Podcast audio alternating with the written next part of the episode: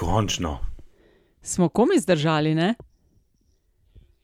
Jaz že od prejšnjega četrtka tle sedim za mikrofonom, tle med nosom pa mikrofonom se mi je pajčevina naredila, pa še kje okrog, komaj sem čakal na to. Bodimo odkriti, Andraš, ti že od prvega četrtka v avgustu, ko mi čakaš na to. Andraž od tistega našega zadnjega piknika čaka. Ja. Jaz skozi čakam, jaz sem bil čisto šokiran nad temi počitnicami. Po čem si bomo Temi počitnicami, ki smo Pa kaj je jih narobe? Dolge so bile. Dobro, ja, no. A veš, koliko je bilo zapovedati? Ja, no. Škaj smo vse zamudili? Marjana podobnika. Ja, no. Zdaj čak- Volkove, medvede. Če Mislim, začnemo. nismo zamudili, ja. marem podobnih na slab timing, to je vse. Ja. No. Tako je, ja, to je res. Po čem si bomo zapomnili prekratko vroče poletje ali pa predolgo po Andraževo? Uh, jaz zdaj to malo mal preveč um, subjektivno, časovno gledano. Mislim, jaz bi, bi rekel po izpadih Marjanov nasploh. Marjanjevanje. ja, tako nekako. Jaz bi rekel, da je uh, enkrat za spremembo ni bilo ene večje krize oziroma ne vem, nekega političnega fluksa, ena, skoraj, skoraj da čez kislih kumaric. Tako, skoraj. Ampak že začetek septembra uh, ob, obilno vrača, oziroma uh, bi rekel, uh, pripelje vse, kar se ni dogajalo čez poletje, se dogaja zdaj. Se je začelo dogajati na veliko, uh -huh. pa smo šele kaj, 5. septembra. Ja, meni se zdi, da je že cel mesec mimo. Vi ste Ja. čist preresno ste štartali. Jaz sem si poletje zapomnila, potem, da se pripravlja drug del Top Gun filma. To ga zelo nestrpno. A imaš ti že 30 sekund Pričakujem. slučajno? Ne, pa če se spomnite, smo zadnjo epizodo debatirali o škržatih. In sem zvedela Ja. vmes, ko so fantje in dekleta posneli novo metamorfozo epizodo, da sploh niso škržati, ampak škržadi, zdaj jem. Ja, pa so se pol oglasili, eni pa so rekli, Ja, ja, a- da je ni prav, je to tako Tako To je je res. malo odvisno, z katerega konca si. Ja. Ampak stručko Sem ti reče spremljal, sem škržadi, tako da zdaj boš škržadi. Pa da so čisto svoje skupine žuželk, črički, pa murenčki in da so to v bistvu kobilce. Je pa res, ko se sklicujemo na strokovnjake, treba povedati, da strokovnjaki, strokovnjaki pravijo tudi, da so prebivalci izole izoljani ali pa izolčani. In če to omeniš človeku iz izola, dobi ošpice. Tako da do uh, prepričanj strokovnjakov je vendarle treba vzdrževati neko distanco. Ja, oziroma, kot, No, kot je temu rekel Michael. Gove, people have, have, enough, have had enough of experts. Yes. Ja, in pol je šlo vse na robe, in pol je Trump predsednik, ne ser tega. In Johnson predsednik vlade. Ampak Salvini pa ni predsednik vlade. To je pa, Ja, to je pa mene zabavalo. Ne? Kako Ja, je najbolj podcenjevani, kako je najbolj podcenjevani predsednik vlade, lepo odigral in je še vedno predsednik vlade. Morda čez dve leti ne bo več, ampak ta hip je pa še. ja to je Vse veš, kakšno je povprečje italijanskih Vem, vlad. vem, staža. vem. Ja.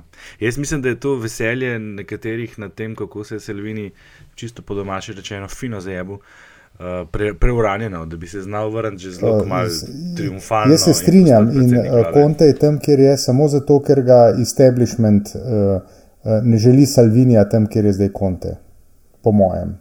Ker ga italijanski establishment mogoče- ne želi videti na mestu predsednika vlade. Zelo verjetno je, da bo na naslednjih volitvah Salvini dobil še več glasov, kot bi jih, če bi bile zdaj le volitve. Jaz bom samo rekel, da je teden dni v politiki dolga doba, vprašajte Borisa Johnsona.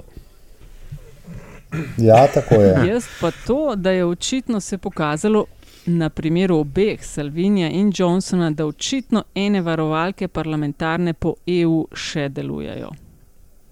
Ja, Um, to, je, to, to je sicer, uh, ja, lepo se sliši, ampak in se strinjam jaz, ampak se bojim, da smo malo naivni. ne, Da, da ta uh, uh, razgradnja teh varovalk poteka in uh, na dolgi rok bojo razgrajene, po mojem. Ma, jaz pa mislim, da ne bodo razgrajene, ampak da se bodo pa prilagodile situacijam. Ne? Ker v končni fazi, ja, veš, za Veliko Britanijo smo domnevali, da so te varovalke v, že, v kamenu klesane, čeprav niso zapisane. Ne? Pa se zdaj izkazuje, da ima mogoče Italija z vso svojo kaotično demokracijo to večkrat vendarle bolj poštiman, če se seveda ljudje zauzamejo. In mislim, da je tukaj ključ, da se morajo ljudje zauzeti, ne pa da čakajo, da se bodo stvari zgodile same od sebe. A veš. Ja, a, a, a, a, ste vi to videli? Dva Štartamo meseca? mi čisto Ja, za res, za. LDGD. Pred nami je častna naloga. Mislim, ne vem, kaj imate vi, kaj ima Slovenija. Pričakujem normalen pogovor. bom zdaj en konkreten primer povedal. Ne? Tudi sam včasih kaj pojamram, kar ni dobro. Čebele ne proizvajajo samo medu, ampak so pomemben opraševalec. To je LDGD, podcast, ki nikogar ne podcenjuje in ničesar ne jemlje preveč resno. V imenu svojih najbližjih in v božjem imenu vas pozivam na lov. Ni vizije, ni nove energije, ni novih idej. In to je temelj vsega. No, Nova dajmo. sezona, druga sezona, ne, ostajamo podcast, ki nikogar ne podcenjuje in ničesar ne jemlje preveč resno, še posebej ne politike. In tudi v novi sezoni z vami Aljaš Pengov Bitenc, Antiša Korjan, Andraš Zorko in Nataša Briški. Zelo smo hvaležni a ne, eh, za vse eh, podpore, pripom, podporo, pripombe in kritike na račun eh, podcasta, in hvaležni tudi za eh, podporo, sredstva, investicije, ki jih namenjate rasti podkastov in drugih vsebin eh, na metini listi. Za novo sezono obljubljamo kaj? Najprej na vzpod. Ok, rabimo to kakšne izjave, ne še fine. To Že imamo? Nek, nek je že, ampak meni se je vmes kompjuter, kompjuter krešno, skratka, bila je drama, ni še narejen, evo, sorry. O tom potom. Uh, predebatiramo zdaj v uvodni epizodi, kaj prvo leto vlade bo, ne? Eh, kmalu bo 13. september, to je 13. epizoda in 13. septembra je prvo leto uh, vladanja. Potem uh, bi rekla, da moramo tudi okrog tega sredinca NSI-ja, kaj gospoda želijo povedati. Pa menjavanje predsednika stranke SMC, pa galama v SLS-u in kadrovanja. To se je zdelo Ja. Oziroma kraljevanja. ki ja, dobivajo novo dimenzijo. Kdo želi Antiša eh, Andraš eh, želeti s prvim letom? Zamenjenih je bilo nekaj ministrov, nekaj pomembnejših članov, nobenih nekih večjih reform smo že ugotavljali. Pritiska zaradi eh, dobre gospodarske situacije ni bilo, podpora še kar visoka. Kako razumete, sta videla, ocenjujeta prvo leto vlade? Andraš, izvoli. Ah.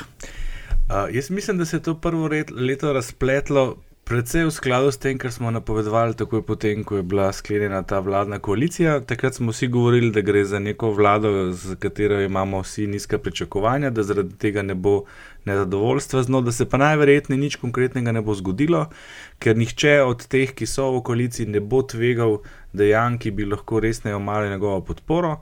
No, kljub temu, da se je potem zgodil tisti medijski linč SMC-ja, je vlada ostala taka, kot je, resnih reform ni bilo. Najbolj resne stvari so bile v resnici posamične afere, ki so odnesle določene ministre, oziroma na koncu še naj bi, pa kot kaže, ne sekretarja LMŠ. Uh, jaz bi rekel, da je to z vidika državljanov eno izgubljeno leto, po katerem se nam bo zelo kovcalo, če se res zgodi kakšna kriza, ki, ki se, o kateri se spet zelo veliko govori. Je pa uh, Marjan Šarc, po mojem, upravičil to, um, rekel, ta, to pričakovanje, da bo uh, zmerni populist ne, in je igral zelo močno na populistične, na populistične karte. Ne. Uh, od tega, da je uh, na pragu poletja, uh, kako je bilo uh, bruto za neto, pri regresu uvedel naprej. Ne, tukaj je Tukaj je zelo igral, zelo igral na podporo javnosti, ki se mu tudi ne obrestuje v, v meritvah javnega mnenja. Jaz mislim, da ta podpora ni posledica teh, niti teh dejanj, ki so bili mogoče vseeno malo bolj ljudsko zaznane in sprejete, ampak gre preprosto za dejstvo, da se nič ne dogaja, da so razmere ugodne, gospodarsko, družbeno in nasploh neko tako obdobje, kjer je bil optimizem potrošnikov tudi na vrhuncu in tako naprej. Ta meritev jaz si to pač upam reči, ker vem, kaj delam. Ne. Te meritve niso toliko odraz dejansko, dejanske podpore vladi, ampak nekega trenutnega sentimenta, ki ga ljudje gojijo. Uh, vemo, da kadarkoli se kaj zgodi, ljudje radi rečejo, da, da, vse, kar je slabo, ne, da je kriva država oziroma vlada. Ne. Eh, in, in ko se pa nič ne zgodi, seveda potem pa tudi lahko posledično rečejo, da so zadovoljni z vlado, oziroma da podpirajo. Čeprav gre za doskrat za, za ocenjevanje nekih stvari, ki sploh nimajo veze s tem, katera vlada je oziroma kaj vlada počne. Tako da ta podpora, ki je, je odraz trenutnega sentimenta, ne pa dejanske podpore vlade. Tako kot je zrasla, lahko tudi dosti hitro pade. A je mogoče, ne, da nadaljujem to opasko iz začetka, da se stvari padejo nazaj, mogoče v ustaljene tirnice. Veš, da, da nismo konstantno na, obro, na obronku obrobju neke krize, bodi se to politična, migranska, gospodarska, finančna, kakršna koli, da, da, da smo vsi skupaj, vem, da nam je sape zmanjkalo, smo stopili na žogo, odvisen kako pogledaš, da, se, da so zato te številke takšne, kot so. Uh, še enkrat, prosim, kako?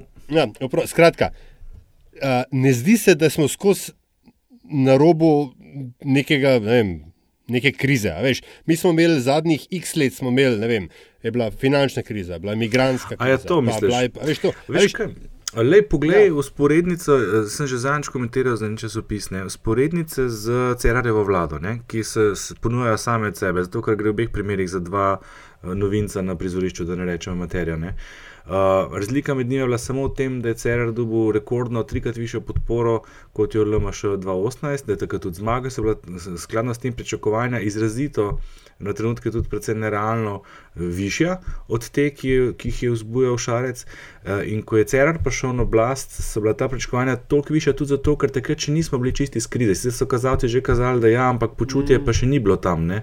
Eh, ljudje so se čisto res počutili, da je kriza končila nekje 15-16 in podpora Cerarjevi vladi, dragi moji, najvišja podpora te vladi je bila izmerjena več kot dve leti potem, ko je bila ta vlada na oblasti, ne samo eno leto potem. Januarja 2017 je imela ta vlada izmerjena najvišjo podporo za tisto obdobje, sicer absolutni številki niže kot je za recimo Šarčeva, ampak točno to razliko lahko pripišemo, pripišemo pa točno temu, da so bile pričakovanja pri Šarcu toliko nižja na eni strani in da so bile razmere toliko ugodnejše. Oziroma so še. Ne. Ali je to Šarčevo vlado, um, kaj se temu reče, zanihalo v to, aroganco, um, v njim je padla mogoče malo pozornost, se jim zato zdaj dogajajo napake? Ne, jaz mislim, da napake, mislim, govorimo kaj, govorimo o, o kralju, no, zadnje, govorimo recimo, o Bratuškovi. Zadnje je kralj, ne, ja, ampak konkretno bolj v LMŠ-ju kot mogoče v koaliciji, o tem mogoče malo kasneje. Ne, ampak, ja, skratka, ali te številke eh, pelejo v neko oblastno politično aroganco? Ja, jaz, jaz moram reči, da razen, razen tega uh, nekraljevske intervencije kralja, ne, uh, Jaz kakšne ob, oblastnosti, oziroma kako se temu reče, uh, moram reči, da nisem opazil. Ne, ne rečem, ne no, rečem da je ni, ne, ampak uh, na vzven, to, kar je prišlo do mene, ni bilo nekega, nekega tega oblastniškega uh, efekta, se mi zdi, da ga nisem zaznal. No. Povej, Andraš, si ti šarec zna, zna biti uh, včasih malo uh, ohol, morda da tako rečem. No? Pa morda niti ne zaradi te podpore, se mi zdi, da je bolj to nek uh, eminenten del njegove naracije, uh, v teh njegovih izjavah, ko pokomentira, predvsem kadar komentira koalicijske partnerice ali pa Marena podobnika, zna biti mečken vzvišen, ampak ne vem, če je to posledica. Hmm, ne, ne, to pa je. Ne, jaz, jaz mislim, da je to bolj posledica tega, da ima občasno poln kufr. No. Ker jaz sem vem, bil štiri mesece, kdaj tri, štiri mesece sem bil pri njemu in dve uri približno na enem intervjuju. In tako iz, iz, zelo, zelo, zelo pogosto omenja točno to, ne, da si vsak dan dopoveduje, da ga ne sme odnesti. Se mi zdi, da mu to zelo veliko pomeni, da ga ne odnese, če me razumete. On zelo si želi ostati tako na na, uh, na tleh z nogami. Ne. Je pa res po drugi strani, ne, da ko si enkrat, uh, ko te vozijo okrog s šoferjem in ko te čakajo povsod prve vrste, da te zlahka odnese. Se mogoče ni problem v toliko v premijeju, kot v ljudeh okoli njega. To je pa druga zgodba. To je pa druga pač, zgodba ja. Za katere ministre in ministrice bi rekla, da po prvem letu bi jih tako recimo pozitivno ocenila? Neki se jih je zamenjali, bandeli, prešiček, leban, ampak za kire, katere bi rekla, da, da so pustili pozitiven vtis? Ja. Ministri. A je kakšen, hmm. ki bi rekel, da se ti zdi, da fajn dela? Veste, kaj je problem te vlade? Da, da še vedno po enem letu je treba zelo dobro pomisliti, ko te nekdo vpraša, kdo je že minister za to. Se mi zdi, da je yep. veliko ministrov zelo neprepoznavnih. Mislim, jaz sem pripričan, da jih mi ne znamo zdaj le vseh našteti. Se bojim, da res ne. Se bojim, da res ne. Ali pa z nekaj truda bi verjetno šlo. Ampak se mi zdi, da je to eden večjih problemov te vlade. No, tako, mm. rekel, ne. Ne, ni, ni eden večjih problemov, ampak če govorimo tako PR-ovsko ali pa na tej neki osnovni ravni, ne, je pa to definitivno problem, ne, da so ministri neprepoznavni. Kako ocenjujete delo ministra za kmetijstvo, gozdarstvo in prehrano Aleksandra hm, Pivec? Hmm. No, evo, recimo. Ne. Aljaš eh, in svet Nataša in Antiša, si spomnite, kaj je bila tako z naskokom prevladujoča tema predvolilnih soočenj in tistega obdobja? Ja, ni bilo to, kdo bo še zjanšal koalicijo? Poleg tega, če govorimo o vsebini. Hmm. Spomni nas. Zdravstvo, zdravstvo. Ja, seveda, čakalne vrste, ponori denarja, žilne opornice, ne vem kaj vse. To je bila glavna tema, to je bila srednja tema, na kateri je po eni strani SMC-eva vlada padla in na kateri so se večinoma prerekali oziroma pregovarjali v soočenih. Kaj je bilo v prvem letu narejeno na tem področju? Ja, nimamo zdaj zagotovili, da ja, menjali so res. Ja, še, šele, zdaj, šele po enem letu imamo ministra, da zdaj pa res neki bo. Po enem letu, ker so najprej enega ja. zamenjali. Ja, in vlada, se, vlada se strinja, le, uh, levica in koalicija se strinjajo, da se ukine dopolnilno zdravstveno zavarovanje. Ja. Z letom, uh, pozor, z letom 2021. Ampak to bi jaz res rad videl, to bi mm. pa res rad videl do leta 2021 lahko ta vlada vsaj že dvakrat pade. No, ko govoriš, lahko vlada že vsaj dvakrat pade.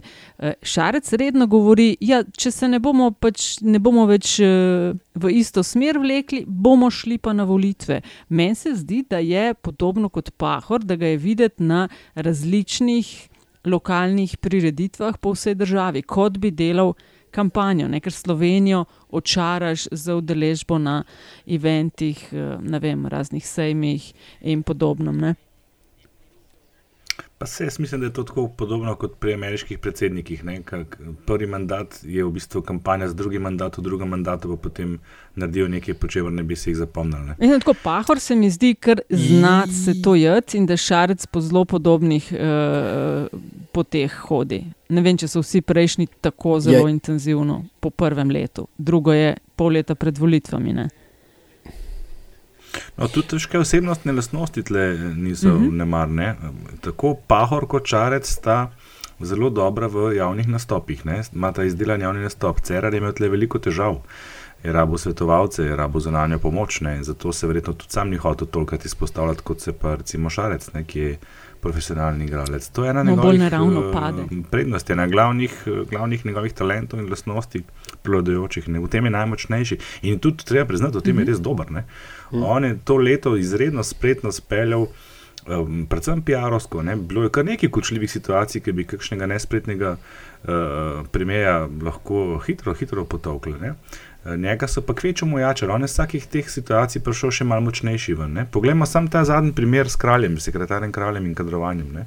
Kako, kako na hitro se je to vse skupaj odvilo. Dobesedno v 24 urah je bilo vsega konec, naslednji dan za poprečnega slovenca pozabljeno. Eh, če bi bil nekdo nespreten tle in bi se ta zadeva vlekla dva, tri dni, bi bistveno širši krok ljudi sploh zaznal, kaj se samo? dogaja. Tako pa mislim, da je šlo, tem, da je šlo to, če, Andraž, če bi se navezal no, na te, pa bi mogoče naredil eno usporednico z to zgodbo, ki se je par dni zatem pojavila o tem pijanem koperskem podžupanu. Ne.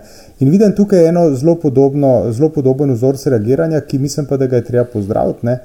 Uh, oba sta, uh, mislim, ne koperski župan, ne predsednik vlade, na noben način tega nista skušala opravičiti, upravičiti. Ne? In sta pač preprosto se uh, sodelavcema tako ali drugače odrekla. Ne? O, no, vem, vem, za kralja vem, lahko pridemo še kasneje do tega. Ne? Ampak hočem reči, ne? če bi zdaj tukaj nastopilo neko, neko obdobje relativizacije, pa se ni tako mislil, pa se je faced fund, pa tralala, bi se da stvar lahko še vedno trajala. Ne? Tako je bilo pa v naslednjem, v naslednjem koraku, je bilo rečeno, hvala lepa in nasvidenje. Uh, in s tem bil, s tem je pač bila stvar PR-ovsko, javno mnenjsko sanirana in tudi politično, če hočeš. Ne? Ja, sem pogledal, recimo, kralj je poskušal s takim izgovorom, ki je bil res smešen. Če se sem sam poklical, ja, ja, hotel ja. povedati, da, da je Igor Fejst ja, fanta. Ne, mislim, tako kot stare babe rečejo, uh, sem dober, sem hotel, tole imam pa v zahvalo. ja, dobesedno. Uh, Šarec je bil prvič videti, uh, prvič se je opazilo neko nelagodje v tem javnem nastopu naslednji dan, ni bil tako sproščen, kot je bil ponavadi. In tudi on se ni mogel izogniti temu, da bi dodal, da pa vendarle je tle napaka, če samo to, da so nas pravzaprav dobili, se to vsi delajo. Tle se mi zdi, da je kar en velik spodrslaj to. Kar je pa še najhuje, pa to, kar finance danes pišejo, ne? da je kralj še vedno sekretar. Ker jaz mislim, mislim da, da. da če, bi, če bi šarec, kot si zdaj rekel, ne, to, to dejanje podžupana je primerljivo v tem smislu, da je bilo pač dosti katastrofalno, da tle nimaš sploh kaj razmišljati. In, in za kralja velja isto. In jaz mislim, da je, da je Šarec le vendarle bil za en odtenek premalo odločen. Ne? On bi moral reči, ne samo, da kralj ni več sekretar, ampak da nima tak človek kaj početi v njihovi stranki. S tem bi on kvečemo lahko ohranil verodostojnost. On je pa rekel samo, da ne bo več sekretar, do nadaljnega bo pa še vodil posle. Ne? Zdaj videli pa smo, kaj so te posli. Se pravi, eh, še vedno počne Ni isto. Rekel, da se tega ne dela, ker vemo, da vsi zares to delajo. To je tudi zadnji primer Bratušek. Ampak moje vprašanje bi bilo, a bi Antiša ko si omenil, da je tako dober in hitro PR-ovsko in javno mnenjsko šlo mimo, če bi podobno naredili v SDS taboru. Smo večkrat v našem podkastu že govorili o neverjetni naklonjenosti medijev do Šarca oziroma njegove vlade. Ma jaz bi rekel, mislim, če bi bila stvar izpeljana tako, kot je bila tukaj izpeljana, potem seveda ne morem trditi sto procentno, ampak jaz si mislim, da za mediji, v katerem sam delam, da gotovo ja. Zaradi tega, ker je bila poteza je bila potegnjena, dist distanca je bila vzpostavljena, uh, sankcije so bile rekel, izvedene. Uh, In mislim, da bi to moralo biti dovolj. Misliš, da ni dvojnih meril? Ok, vemo, da je zdaj vsega 4-5 let bil na oblasti, ne? ampak vseeno. Jaz, mislim, Jaz bi rekla tudi, da kar dvojna merila no, so in da lej, bi se mal drugače mislim, vlekla ta mislim, kača. Zdaj, Nataša, aj, to, aj, to je zrelo za čisto posebno ja. temo, pa se lahko pogovarjamo o, o medijskem prostoru slovenskem. Jaz bi na tej točki sam pripomnil nekaj, ne? to, kar je Ante še rekel. Ni mogoče, mogoče je razlika v obravnavi potem, po, po, po prvotni reakciji. Tisto, kar so se slovenski politiki očitno naučili, je how to, a, how to get ahead of the game.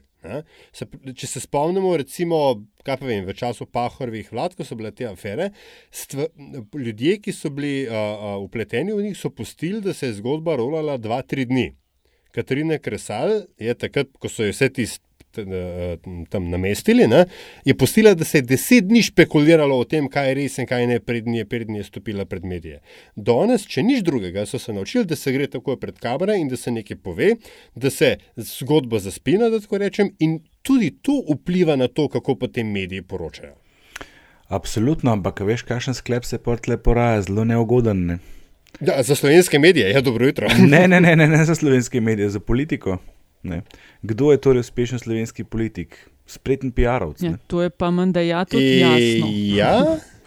Nastopi so, ja. veš, jaz do, do ja. uspeha, dobri. A veš, ti lahko imaš super program, ja. super ja. reforme naštudirane, če jih, nimaš, če jih ne znaš povedati ljudem, kako in kaj. Uh, No, ja, pač to, je, to je realnost, da se zdaj oblikovati. Ja, ja. To stanje je že zdavno prepozno. Ne? Tako pač je. Ne? Uh, problem je samo v tem, če je samo nastop. Ne, ampak, lejte, dra, uh, draga kolegica in kolega, ne?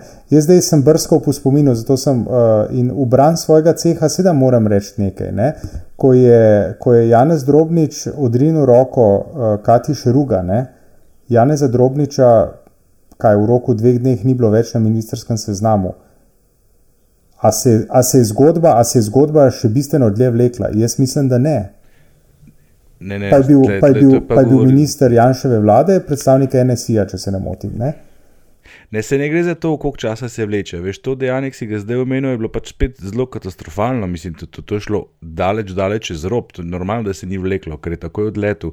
Govorimo o primerih, ko nekdo nekaj narobe naredi, pa ne znajo shendlati tako hiter PR-ovsko, da se stvar začne vleči po medijih. Ja, ne vem, le, recimo, zdaj, ki je glih, eh, smo v prvi Janševi vladi in ki tudi meni počasi začenjajo ne, spomin delovati, Jrnej Pavlin, ne, dajmo ne komunicirati z mladino, naslednja stvar, ki je naredil, je odstopil. Ki je bil tiskovni Točno, predstavnik. ja, a, a, a, Ampak te, a se lahko ne Je pa- pogovarjamo o Janševi vladi, ki je nehala biti aktualna leta 2008? Mislim, Ja, ja, je no, brez sej, veze. ne. ampak ne, ker že pač ampak, dajmo- ne, ja, i- s- ja, vem, kaj misliš, ja, Andraš. Ja, A, Aljaž. nekaj drugega se Ja. ja. hoče reči. Ja, evo, um, ko smo se sprašvali, ko ste govorili o tem, kako Šarc zdaj žival kampanjo fura in tako dalje. Ne? Kaj pa, ne, pa to dam kot, zgo- zgolj kot provokacijo v debato. Leta 2022 imamo, če sem prav seštel, hkrati predsedniške in parlamentarne volitve. Kaj pa, če on ne bi imel še enega mandata na Gregorčičevi, ampak bi mogoče spet probal jeti Ja, na ni to že jasno. Mislim, me, meni se, Ja, zdi to- pa- meni se zdi to zelo, zelo, evidentna, zelo evidentna pot. Ne. Pričemer, pri, Jaz zdaj sem pet, pet minut sem ponosen, Ne, sam pri na čemer, sebe. pri čemer Aljaš, uh, jaz mislim, da bodo uh, predsedniške volitve 2022, ne, to bo pa enormno zanimive. Po dolgem času na- odprte. Ne? Totalno. Ja. No, se tudi zadnje so bile že zanimive, se je razlika na koncu med Pahorjem in Šarcem. Ja, ampak tam si imel, a veš, tam si imel enega, enega, ki je v politiki celo življenje, ne? Pahorja. Pa ki je drugi ne. mandat štartov, zdaj bojo pa vsi znova. A veš, in je bil incumbent, ne? Zdaj, bo, zdaj bo pa čist nova zgodba. Ja, ja. In bo, po mojem, strašansko zanimiva. Ej, še ene tri stvari. Ampak o tem smo- se bomo še velikrat pogovarjali. po Še ene Ja. tri stvari smo na začetku omenili, mogoče fajn, da še rečemo, preden končamo. Uh, sredinc NSI, um, se pravi stranka Nova Slovenija, se pozicionira ali pa poudarja, da ni desna, ampak je desno-sredinska. A veste, jaz bi to mogoče z enim, uh, jaz to večkrat uporabljam, vprost, ker sem te prekinil, pa ti vskočil v besedo, ampak um, meni en citat Margaret Thatcher pride na pamet, ne? Um, ki je rekla, da biti ženska je približno tako kot, uh, oziroma ne, biti, uh, biti vplivan je tako kot biti ženska, če moraš ljudem razlagati, da to si, potem nisi. Ne? Kaj hočem reči? Ja, ja. ne? Uh, jaz mislim, da je brez veze, brez veze mislim, in je PR-ovsko, in je prozorno, in vse. Ne?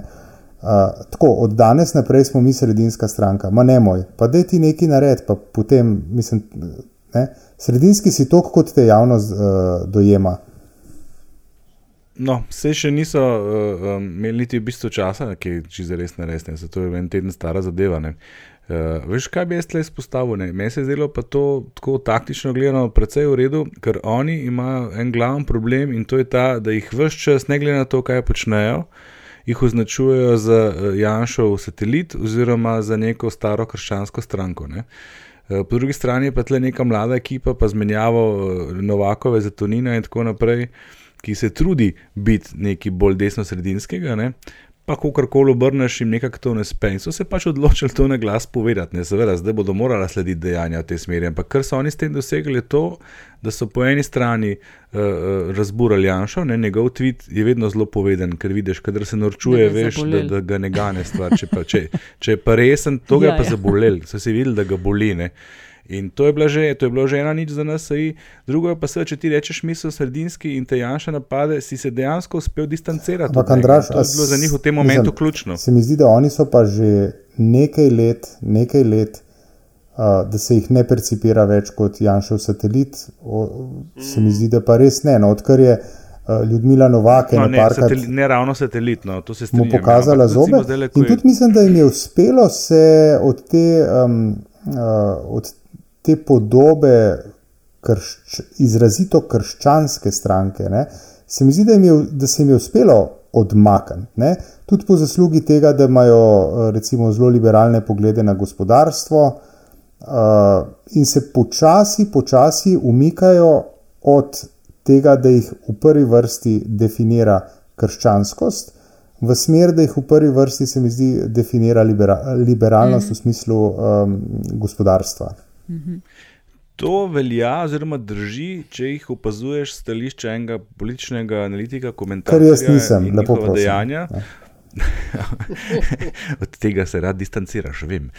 Um, ampak eh, ni pa čisto res, ko govorimo pa o navadnem poprečnem voljivcu. Veš, koliko nekaj truda je bilo vloženega z različnih strani, ko, so, ko je to njim postal predsednik, da so takoj prsto operili njega, češ, ja, to je pa zdaj zato, da bo se stranka spet bolj približala Janši. Spomnim se dogodka Spomem, ja. z intervjujem na večeru.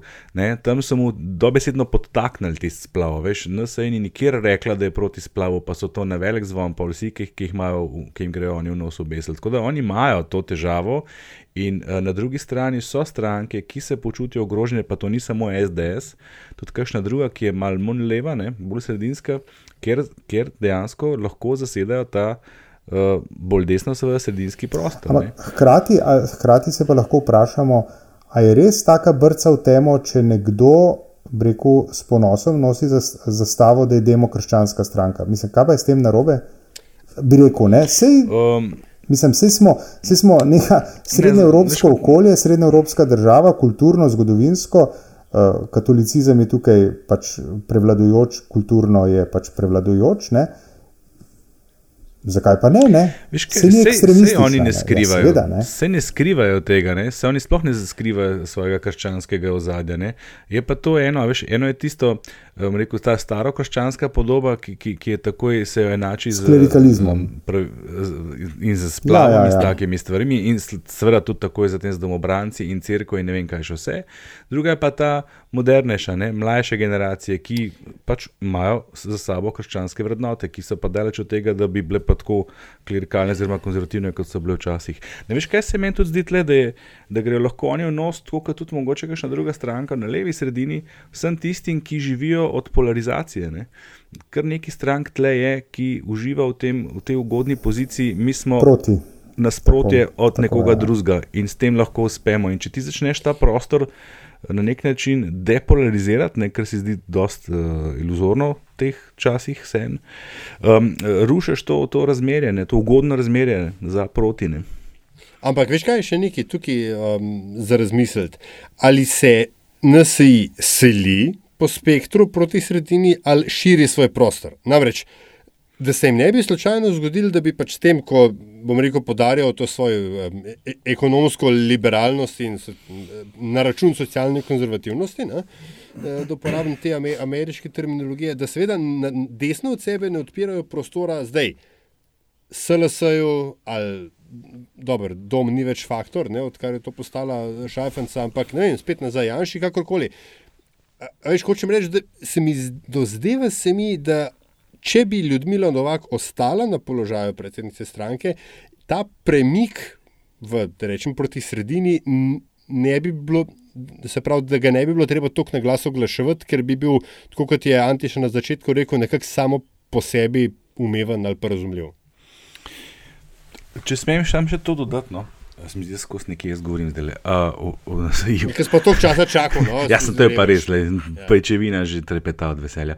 V glavnem, uh, oni imajo vse čas že ta problem, pa jaz sem po mojem tudi v tem podkastu to omenil. Ne? Oni so podoben problem, kot ga je imel Hofer, ki je prišel na trg. Veš, oni imajo kar velik simpatizerjev ki so jim oni simpatični, in tako naprej, ne pridejo pa na koncu do tega ključnega momenta, da bi na volišču njih obkrožili ali pa da bi sploh do volišča prišli. To je, zakaj jih primerjam s Hoferjem? Hofer je ta zadržek na začetku z vidika potrošnika, da se nihče ni upal stopiti, oziroma še, da se marsikdo ni upal prestopiti praga, ker je bila pač percepcija Hoferja, da je to diskont in da je to za tistega, ki nima denarja. Ne, in šele potem, ko si si upal, si upal prestopiti prak in videl v notranjosti, da pač to ni tako, ne, si postal kupec. In NSA ima podoben problem. Ne? Oni imajo širok krog simpatizerjev, ki pa jih ne uspejo na volišča spraviti. In jaz mislim, da je glavnina tega problema tle ta percepcija. Ki se je vse čas tudi, tudi, tudi zunaj skuša, skuša ohranjati, ne? da je to pač staro krščanska stranka, ki bi naj rekla: in, in če nadaljujemo s to, s to analogijo s trgovskimi uh, podjetji, ne, Uh, je res tudi, ne, da so se trgovine teh podjetij v zadnjih, recimo, desetih letih bistveno spremenile. Uh, in veš, koliko truda so morali vložiti? Se, lih to hočem reči. Se mi zdi, da, se mi ja. zdi, da točno to NSA zdaj počne. Lej, Hofer na začetku, ki je prišel, uh, sploh ni imel TV oglaševanja. Ne, zgovorim čisto videli, o, o uporabniški izkušnji, ki si prišel noter, ki si prišel noter, tisti je bilo tako, ne pa ne kartonaste škatle, pa malo je bilo zanemarjeno, pa tako naprej. Danes so to urejene trgovine kot vsaka druga. No, Ma, ogromno truda se vlaga z velikih velik vidikov in zato pa je ta sporednica kar na mestu. Ja. Ja, tako račun. Ni rekel, kaj že to ni rekel, ko se ozrem na levo, vidim tam socialiste, ki zagovarjajo socialistične politike, ko pogledam na desno, vidim zanikovalce uh, globalnega segrevanja in nacionaliste in na koncu ugotovim, da sem sredina. Ja, evo, Mislim, točno ba, do, do, do Jano. Polarizacijo je opisal. Ne? Moment. Za, za magistra političnih znanosti je tole uh, tako podcenjujoče do njegove publike, da se je živ bohosmil. Novembra imajo programski kongres. Pravijo, ja, da večje spremembe bomo videli, kako bo šlo to čez. Ja. A gremo na SMC? Ja, ne? Nekaj drugega. Če, Jano, ki smo žigli pred desni sredini, z domnevnim pohodom zdravka počevalška na čelo SMC, ja? ali se bo ta stranka preselila na desno sredino in ali bo to potem neposredna konkurenca na SEO? Uh, odgovor je zelo jasen. Da. Pa ni domnevni, je kar, kar, kar eh, zelo konkretni, kot vem, ni bil nihče drug. Edini ne, kandidat bo 21. Edini ja. kandidat je, ne? Njegova stališča poznamo, eh, okolje, iz katerega prihaja, poznamo, slog nastopanja je tudi dobro ja. znan. Ne? Eh, vemo, da je on bil eden tistih eh, od zagovornikov uh, uh, koalicije za stranke, ki tako, tako ne, to vse gre v to smer. In mogoče je to tudi povezano s tem, s tem da je NSA iztrčal uh, v sredino, desno, še preden se je počutil. Hočeš reči, po vsem tem, Andraš, kar si našteval, da ruralno izriva urbano, ker veš kaj zdaj gledam, čisto vse stranke, ki so v parlamentu, niti ene ne vodi kakšen, o, ne vem, Ljubljančan. No, no, no, ne tako grdo v, v Luksu. No? Dobro, on je železnik, ampak ni živel v Ljubljani. Ni enega. Nobenih časih je bilo to neki iz neke meščanske familije, zdaj so vsi iz. Lej, vi, vi tri ste vsi, vsi ljubljančani, ne? Sem sam jaz, ha, ruralka. Tako je. Ja. Ja, ampak se, če, si, če nisi iz Ljubljana, še ne pomeni, da no, si ja, ruralc. Sploh pa v, v današnjih časih, a veš. Uh, um, in, in obratno, če si ja, uh, predvsem to, ja, predvsem to, ali jaz. Ja, odlično. ja. Uh, pa tehnologija je iz ruralnih območij tudi nekaj naredila. Ne? Pa fajn je, da niso ljudje s nas zelo. Veš, kaj je zanimivo? Uh, to je fajn, ki si omenila, Nataša. Uh, najbolj tako ljubljanska, meščanska stranka, ne, uh, glede na to, kdo voli to stranko, je seveda. Levica, ne? Levica, ja, sej ja. sem ravno kar omenil Luca. Veš, zakaj sem omenila? Zaradi tega, ker smo ja. že, že nekaj raziskav je bilo na to temo, kako prihaja do nekega, veš, urbano versus ruralno bitke znotraj Slovenije in razdeljenosti, ne? Se je, se, se to še vedno je in to ostaja. In če bi bil večinski sistem, bi imeli tle čisto drugo sliko. Kakšna bo po novem vloga Cerarja mm. v SMC, znotraj SMC-ja? A mislite, da se karkoli le obeta?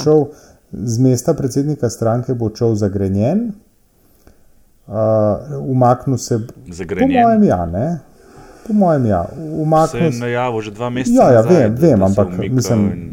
Ja, seveda, ne, ampak ne, mislim, on je to stranko naredil uh, in bo, po mojem, se tako se bo umaknil.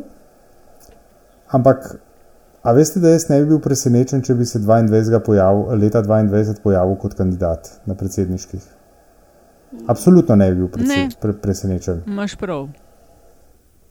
Lih, a veste, lih, okay, ne pozabimo, ja. Pahor je od preda, neslavne predaje. Eh, premijerskega položaja do skoka na, v kampanjo predsedniško eh, je minilo ne vem, niti eno leto. To je res. Ti kaj pa Igor Šoltes? Joj, kakšna gužva bo. Ja, ja, Igor Šoltes, ja, Igor Šoltes ima en problem. Ne? Igor Šoltes ima problem, da je, ima nahrbtnik on ima nahrbtnik, kaj je bilo ono, druž, združenje, društvo, verjamem, ali kako se ti smo ja, rekli. Ne? Ja, stranka je bila. Stranka, stranka je bila, ne? stranka je bila, on, je, on je uh, prek vzpostavitve strankarske infrastrukture je uh, ubral lepo službo v Bruslu. In potem, ta, in potem je ta zadeva poniknila tako v roku vem, dveh mesecev ali pa pol leta. Ne? In to seveda je arhivirano na pravih mestih, da se ven pride in se ne bo nehalo upozarjati na to. Tako da on ima v tem smislu ta problem, on definitivno ima. Ne? Mm. Oziroma ga, ga utegne imeti uh, ob naskoku na kakšno uh, odgovornejšo funkcijo, kot je direktor uradnega lista. Mm. A kaj pa še ena provokativna? Kaj če se pa Janez Janša končno odloči, da ne bo več neuspešno naskakoval mesto predsednika vlade? Pa bo šel raje probat biti predsednik? Na to čakamo Ja. že nekaj let. Jaz mislim, da je on zamudil svojo priliko, dva, v, kaj je bilo zdaj, 2017. A se spomnite, koliko je Barbara Brezikar takrat dobila? Zdaj, kar konkurenčna je bila. Ja? 44 odstotkov. Mhm. daleč. Aha. Andraš pa praviš, da pa počivalšek ne bo znal znotraj SMC-ja nasloviti tiste, ki so v to stranko recimo prišli iz uh, nekih zares simpatizerjev ali pa LDS-a starega. Pa ni nujno, veš, se LDS ni bila leva stranka. ne. Zdaj, on uh, je mal specifičen po tem po svojem poreklu, pa po svojem slogu nastopanja. Ampak, kot se kaže, se je odlično razumel s SMC-jem, se je še enkrat postal gospodarski minister. Um, tisti, ki so pač ostali v stranki in jo podpirajo, so še vedno tam. Jaz mislim, da SMC že takrat, leta 2014, ni bil tako zelo levo, kot so mu pripisovali. SMC je takrat pobiral tudi Mhm. glasove uh, ubežnikov od SDS-a. Ne, ne To, kar je pozabite. LMŠ štiri leta kasneje. Ma- Ne, ja, niti ne, niti ne več. Ne. LMŠ je že bolj, je že bolj um, ta klasika socialdemokratska. LMŠ je bolj SD ukradel, no? pa SMC je ta levi del SMC. Še Pa se tudi ni veliko pokradil, ne se so dobili 120 tisoč glasov. Samo, ne.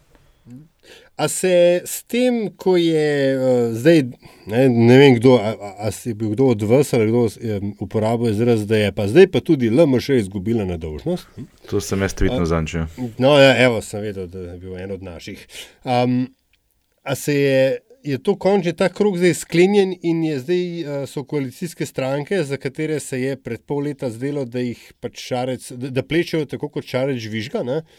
da so zdaj um, vendarle nazaj odkrile svojo hrbtenico in da je ta odnos zdaj bolj enakopraven v koaliciji. Ne še, ampak mislim, da se ta, rekel, uh, da so razpokice se začele pojavljati, ki bodo vedno večje. Razpoke v smislu, um, oziroma tako, da bojo uh, vedno več samozavesti bojo imele koalicijske stranke. Ne?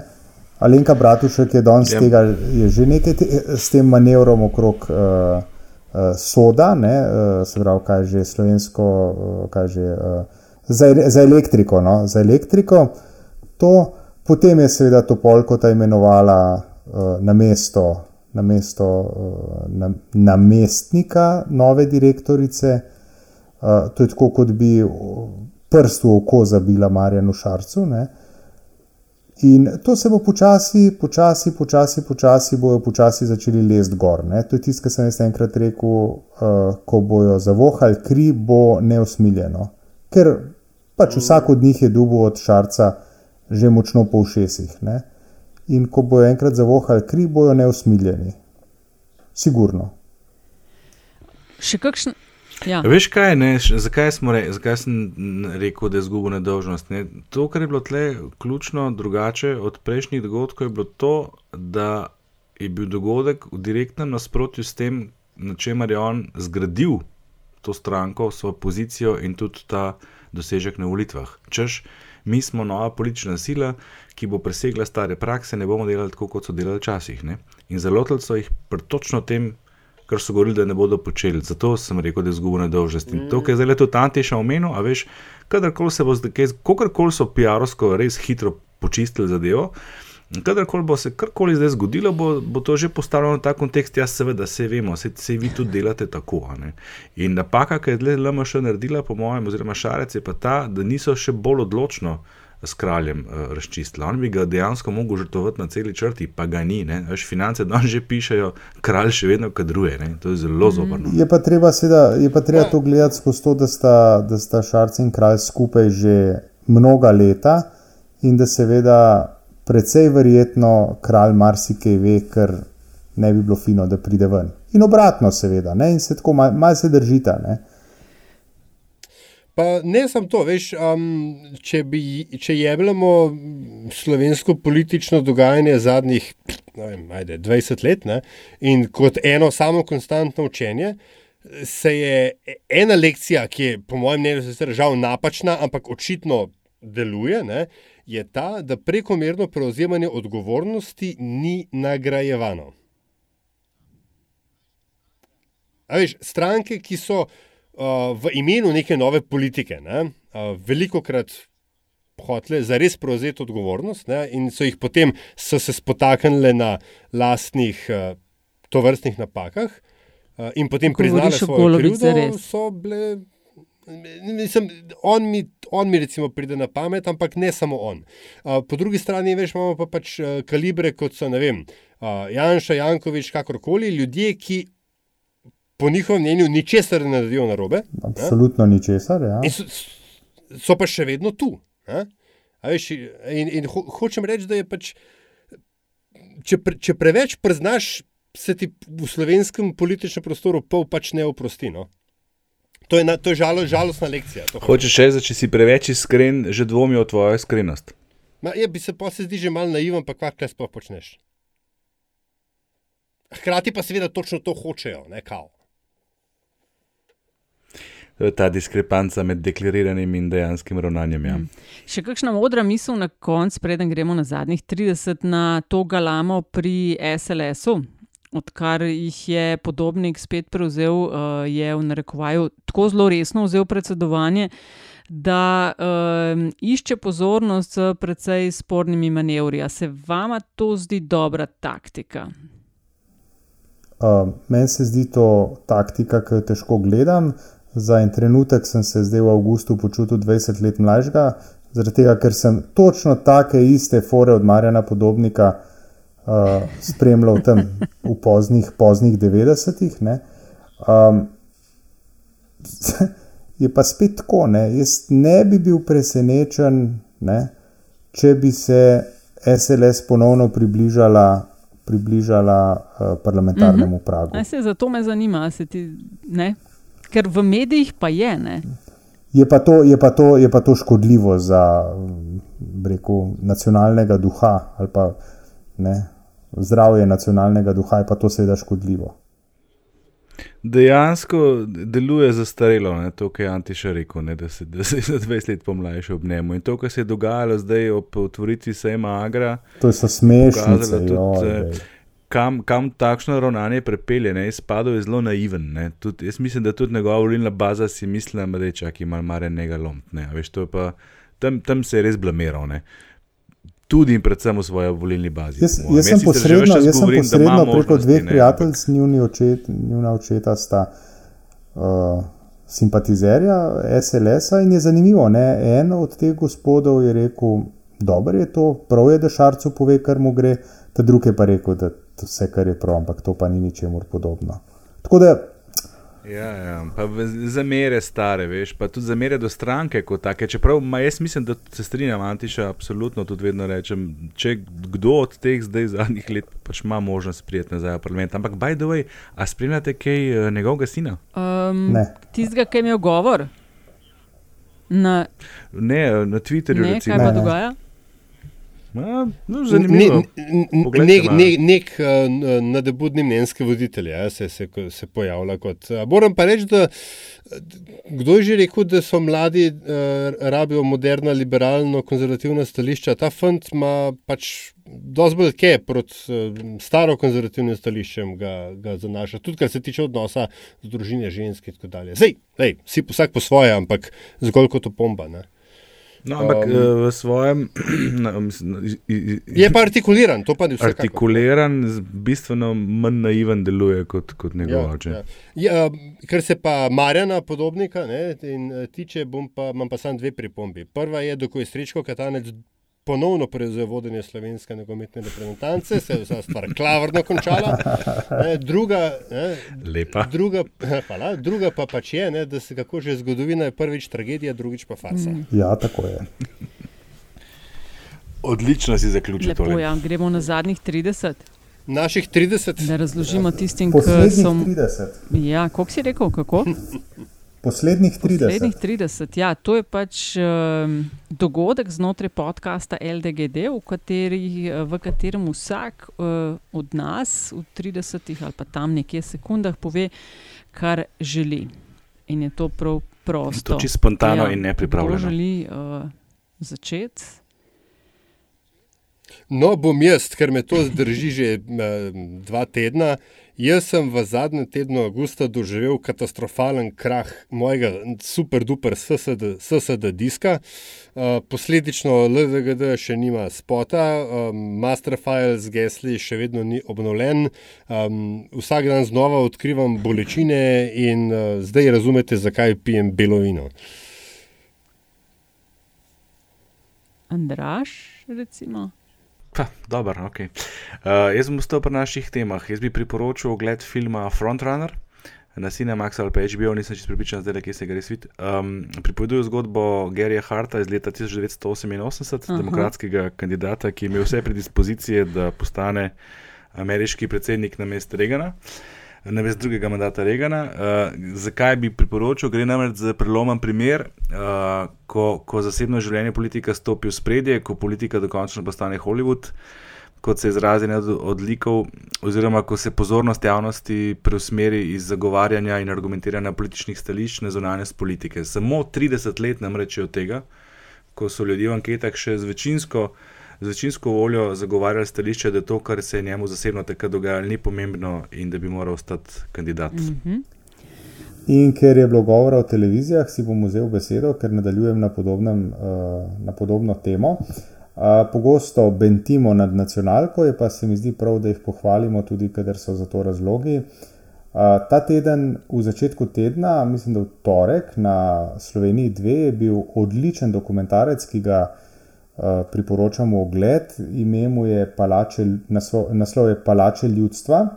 Uh, posvečen pa je štirim poslopjem iz nekdanjega realsocializma, se pravi uh, sedežu Moskovske univerze Lomonosov, Palači federacije v Beogradu, uh, Palači kulture v Sofiji in parlamentu v Bukarešti. Film ponudi nekaj estetike, nekaj konteksta, nekaj zgodovine, skratka, priporočam ogled. A veš, kaj pa meni padlo v oči? Ne? V naslednjih dneh gre v Moskvo na obisk premijer Šarec in poleg običajne agende značilne za to vrstne obiske, mi je padla v oči otvoritev spomenika padlim slovencem na ruskem ozemlju med prvo in drugo svetovno vojno. Lep poklon, podobnega smo sovjetskim ruskim vojakom, ki so padli na naših tleh, postavili na žalah, ampak. Ne vem, če ste opazili, v zadnjih letih je otvarjanja raznih obeležij, ko gre za visoke obiske med Rusijo in Slovenijo, res veliko. Kar se mi zdi predvsej zanimiva ruska taktika širjenja interesnega vpliva. To, kar Kitajci delajo z vlaganji v infrastrukturne projekte po svetu, očitno Rusi z energetskimi potmi in odkrivanjem spomenikov. Ah, lažje se diha, ko smo zdaj vse to spravili ven iz sebe. Ja, Zelo ja. tole, tole bi bila tema dobra. Ja. Ej, Andraš, ti veš, kako, bilo, uh, kako se je imenovala jahta od Gerija Harta? Uh, tista, na kateri se je zgodil incident. Tako. Monkey business. se sem že dvakrat film gledal. Zapisano, damo v zapiske vse to, kar ste povedali. Um, mal daljši smo za začetek. Ne? gledam timing, Tako ampak je. za naslednje epizode pa obljubljamo, da se bomo držali tistega, kar smo na začetku, uh, mislim, da povedali, okrog 35 minut. Ne? Pa se okay. to je okrog. Tako, ja. To je bilo to, prva epizoda LDGD, podcast, ki nikogar ne podcenjuje in ničesar ne jemlje preveč resno, še posebej ne politike. Hvala za vaše komentarje. Naš ključnik je tak, na Twitterju pa smo Afna Pengovski. Afna Antiša Korljan, Afna Andrazus in Afna DC43. Hvala lepa, ne?